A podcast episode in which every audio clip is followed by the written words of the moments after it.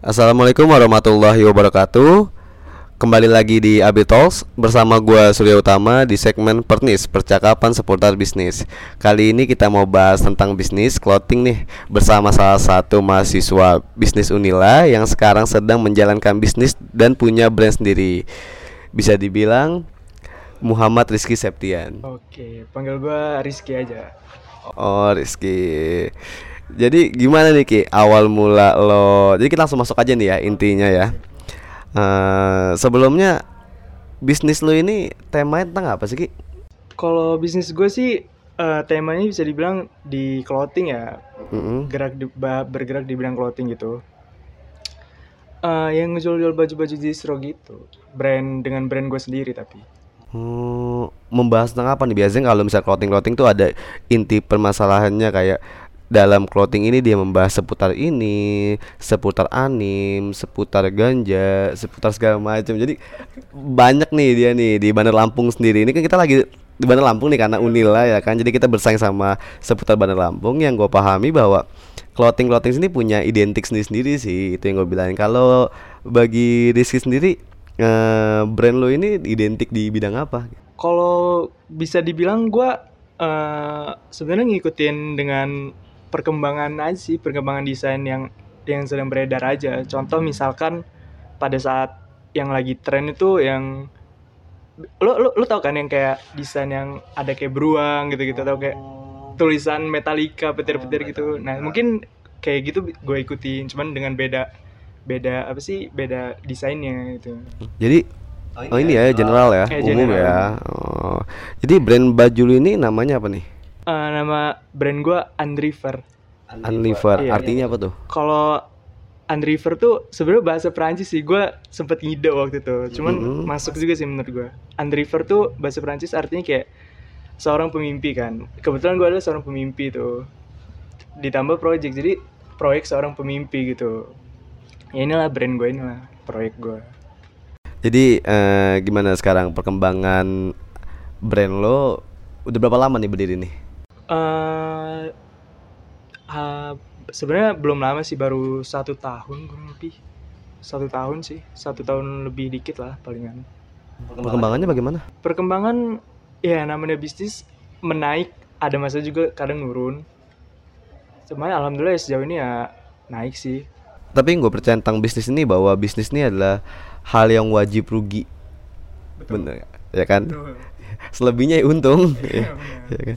Nah, untuk persentase keuntungan dari brand baju sendiri seandainya ada ada anak-anak mahasiswa nih pengen ikutin Rizky gitu di bidang brand baju, persentase keuntungan sebenarnya berapa sih Ki dari HPP dan keuntungannya ini? sebenarnya kalau mau dibilang keuntungan kecil sih ya keuntungannya ya bisa dibilang kecil Eh, cuman ya namanya eh, kalau kalau dari gue pribadi gue seneng ngejalanin bisnis kayak gini gitu jadi untung kecil pun gak masalah buat gue jadi seenggaknya mungkin gue pengen kayak brand gue dikenal dulu gitu baru soal untung mah belakangan gitu tapi tetap ada untung pastinya Punya tim nggak Ki dalam bisnis brand baju ini? gue sendiri sih nyolo gue Nyolo, Iya, nyolo. solo player ya. Yoi.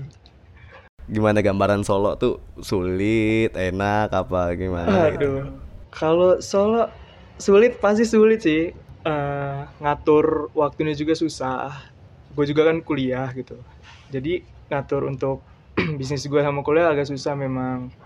Nggak karena nggak punya tim kan. Sebenarnya sulit cuman pos- apa ada positif negatif sih negatifnya ya sulit tuh positifnya gue bisa lebih agak santai gitu nggak terlalu menggebu-gebu terus ya bisa sesuai mau gue sendiri gitu Luas atas pikiran ya. betul Hmm. Kendalanya banyak gak Ki dalam buka bisnis brand baju ini? kendala banyak sih. Banyak sih. Yang namanya bisnis pasti banyak kendala juga sih. Kalau eh, ngomongin kendala sih di bisnis baju eh, salah satunya ya kayak pesaingnya sih. Sekarang banyak banget anjir yang pesaing jual-jual baju clothing brand Iya sih, gue juga ngerasain gitu, ngerasain. Ah, lu punya brand juga Ya sekarang, ya gue juga lagi main brand sekarang ini. Ya, jadi kita ngobrol antar yang punya brand nih, ya kan di mahasiswa Unila ini. Tapi gimana brand lo? Lancar?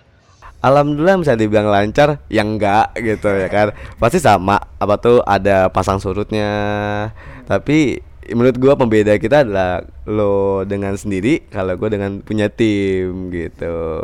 Kalau tim itu eh, ada yang kayak khusus desain segala macam atau Nah, lebih tepatnya seperti itu sih kayak eh, jadi kita eh, kayak pengen bikin konten, konten Instagram, konten story, konten feed, habis itu foto, foto katalog segala macam tuh lebih kayak pemasaran. Jadi kita tuh nggak musing tentang satu satu pikiran yang harus dipecah berapa belah gitu. Jadi setiap tim itu punya job desk masing-masing. Itu menurut gua yang membangun menurut bagi gua ya, apa yang gua ngelihat dari seperti brand-brand besar lainnya itu mereka punya tim yang dikelola oleh mereka sendiri dan pembagian job desk jadi akhirnya mereka orang tuh fokus sama satu job desk itu masing-masing itu Nah, itu gue karena gue nyolo ya, susahnya di situ memang gue.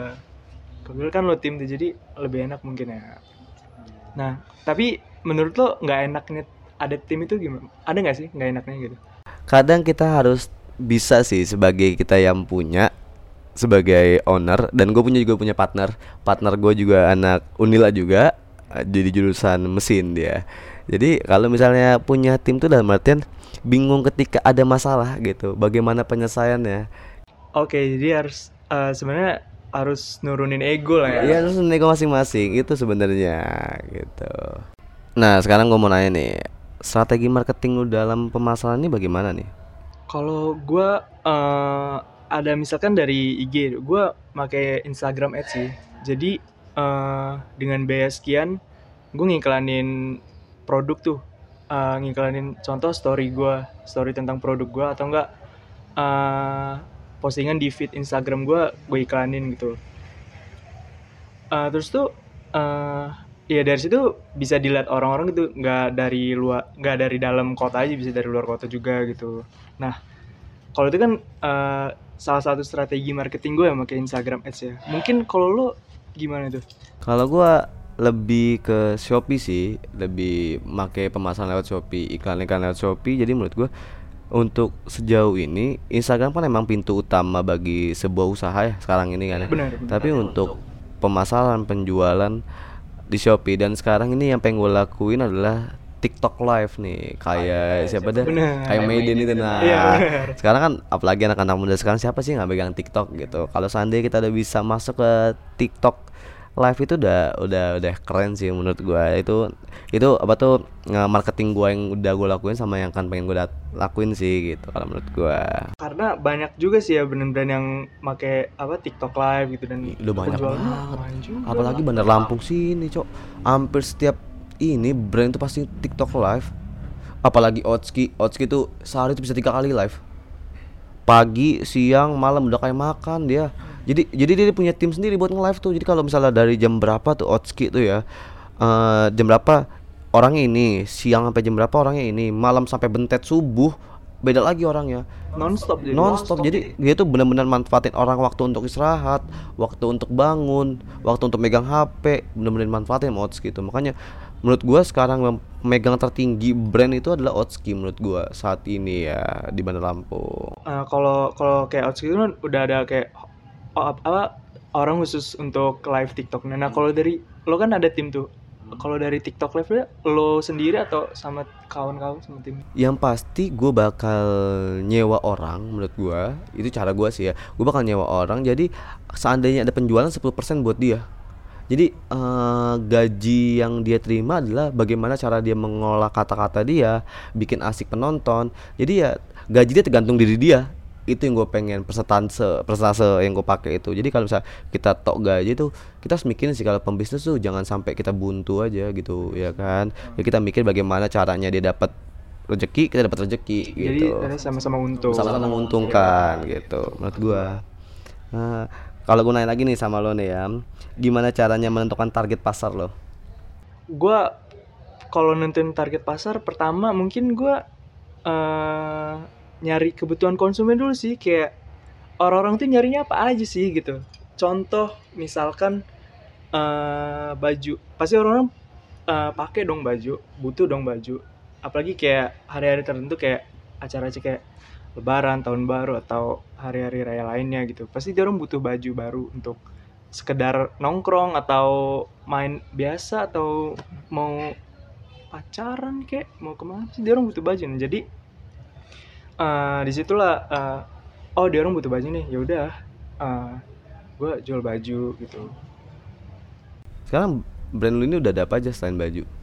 Uh, kalau brand gue baju sama baru sama tote bag sih palingan mungkin next ke depannya gue mulai gerak di kayak celana topi segala macam gitu Kalau Oke, oke, SMA. siap, siap, siap. HPP-nya siap. bisa kita mainin di situ. Siap. Biasanya kalau udah kenal lama tuh HPP turun tuh Oke, kalau mau nanti kita kabar-kabaran ya. Siap, siap. Kalau brand lo main di apa ya? Selain baju? Kalau gua alhamdulillah sih udah main di Kronek, hoodie, bucket hat, topi, kacamata. Ya alhamdulillah dari atas sampai bawah sih udah main semua. Tinggal ini belum apa tuh celana dalam belum. Oke, boleh tuh.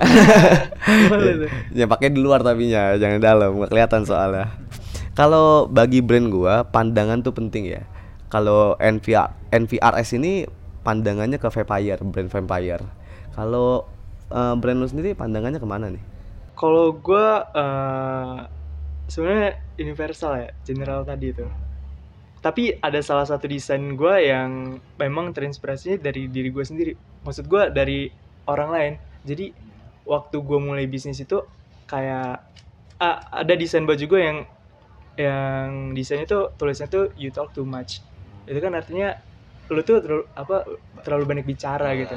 Jadi itu tuh berdasarkan pada saat gue mulai bisnis ada aja om- omongan orang yang kayak ngeremehin gitu kayak emang lo yakin dengan bisnis baju lo ini? Emang lo bisa bersaing dengan brand-brand yang udah terkenal? Emang lo bisa ngasilin duit dari bisnis baju ini? Ya gue mah no comment aja sih menurut gue coba aja dulu. Kayak lu tuh terlalu banyak bicara padahal lu belum nyoba gitu. No comment. Eh, eh, eh, jadi beda ya maksudnya beda orang yang banyak komentar sama orang ngasih saran tuh beda ya. iya beda beda jauh. Apalagi ya gimana sih kita sebagai kawan nih ya kan kawan pengen buka bisnis ya kan? Kalau misalnya kita langsung jatuhin itu kan kita kayak gimana gitu kan? Nge-support kayak Ut lu buka brand ya katanya gitu kan ya. Bagi sih kalau kawannya beli gitu ya kan? Bener, jangan minta gitu bener. ya kan? Ya, maksudnya kalau kayak gitu bukan kawan berarti kalau kawan tuh menghargain capek. Diskon ge diskon. Iya diskon kalau diskon masih mending kalau minta loh. minta. Kalau kalau cara gua tuh gini, misal seandainya udah mau minta nih ya kan. Udah main aja ke toko ya kan, bayar belakangan kata gua. Udah main aja yang penting ke toko, nanti gua kasih bajunya. Bayar belakangan. Kalau gua cara siasatin gua kawan kayak gitu. juga, bisa bisa bisa, bisa. Kalau tadi kan maksudnya kalau tadi kan gue bilang itu pandangan gua adalah ke brand vampire. Ada brand vampire di Bandung itu pandangan gua seperti kayak maternal terus vampire. Kalau bagi brand lo tadi pandangannya itu ke brand siapa gitu di Indonesia? Yang menurut lo gue pengen jadi kayak dia apa pun gue ikutin postingan seperti ini gue ikutin gitu. Ada nggak? Eh, sebenarnya eh, ada brand yang belum terlalu kedengar bukan terlalu kedengar belum terlalu ke expose sih. Tapi gua gue sering tuh apa kayak beli baju di brand itu gitu. Ada namanya tuh brand dari Bandung tuh Social Society itu. Mungkin gue pandangannya ke situ sih. Gue ngeliat memang belum terlalu rame cuman oke aja gitu menurut gue tertarik aja gitu gue mungkin ke situ sih gue gimana cara lo ngatasin deh sedangkan kayak kita kan brand-brand yang masih dikategorikan kan kecil ya. Iya. belum bukan brand-brand. Sedangkan kata nih yang brand-brand gede-gede itu ngasih harga murah di Shopee. Menurut lo gimana tuh?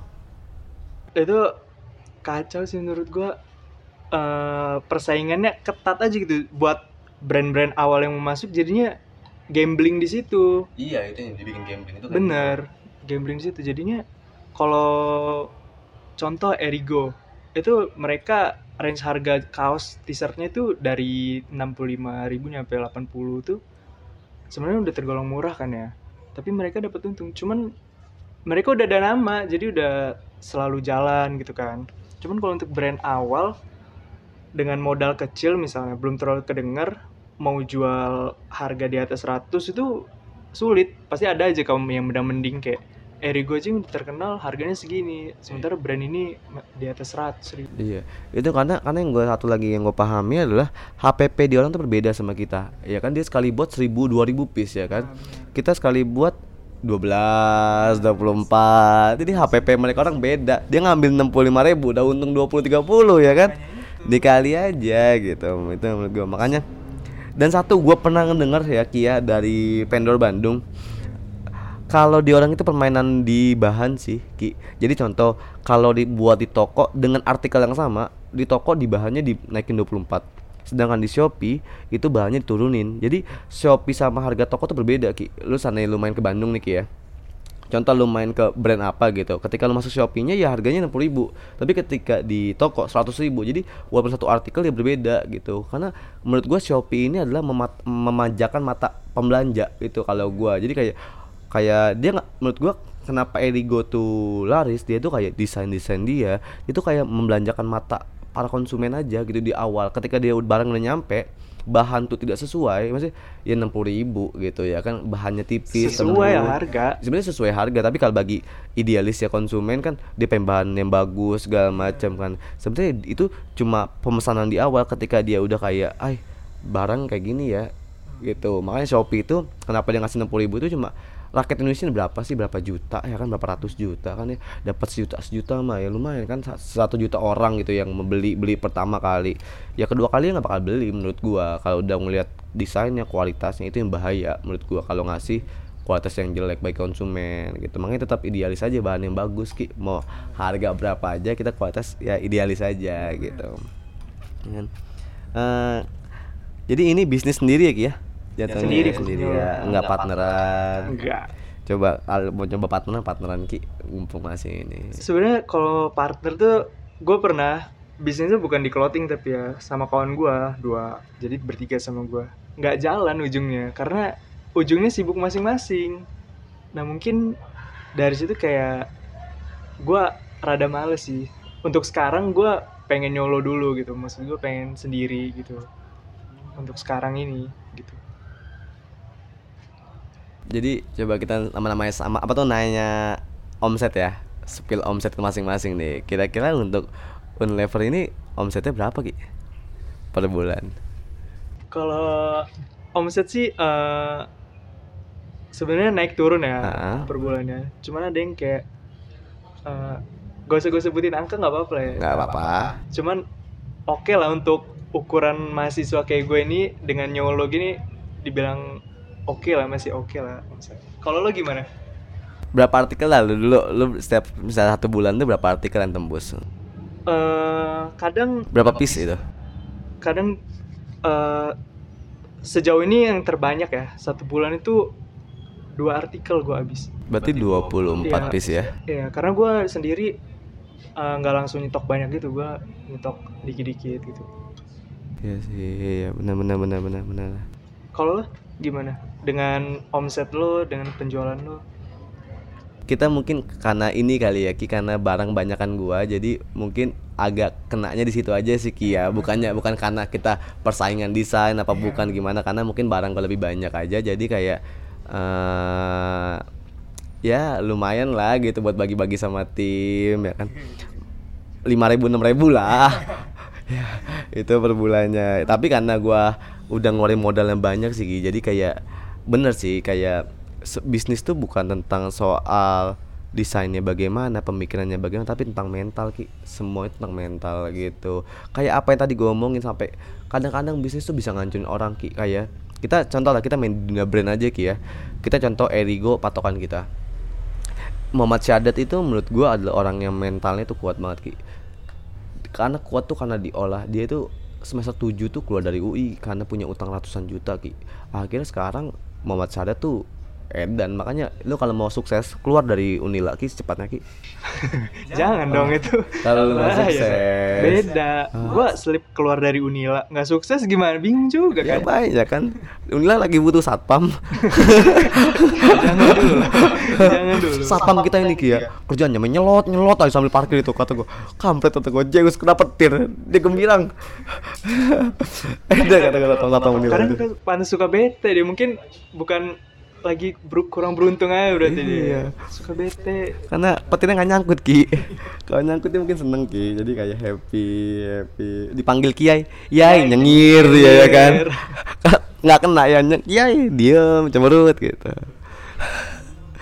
Jadi nge- semoga brand kita sama-sama baik ke depannya bagus ke depannya masa depan brand kita cerah semangat terus untuk Rizky ya. Semangat juga untuk Ah, dengan Unilevernya semoga bisa nyampe kejayaan masing-masing lah ya.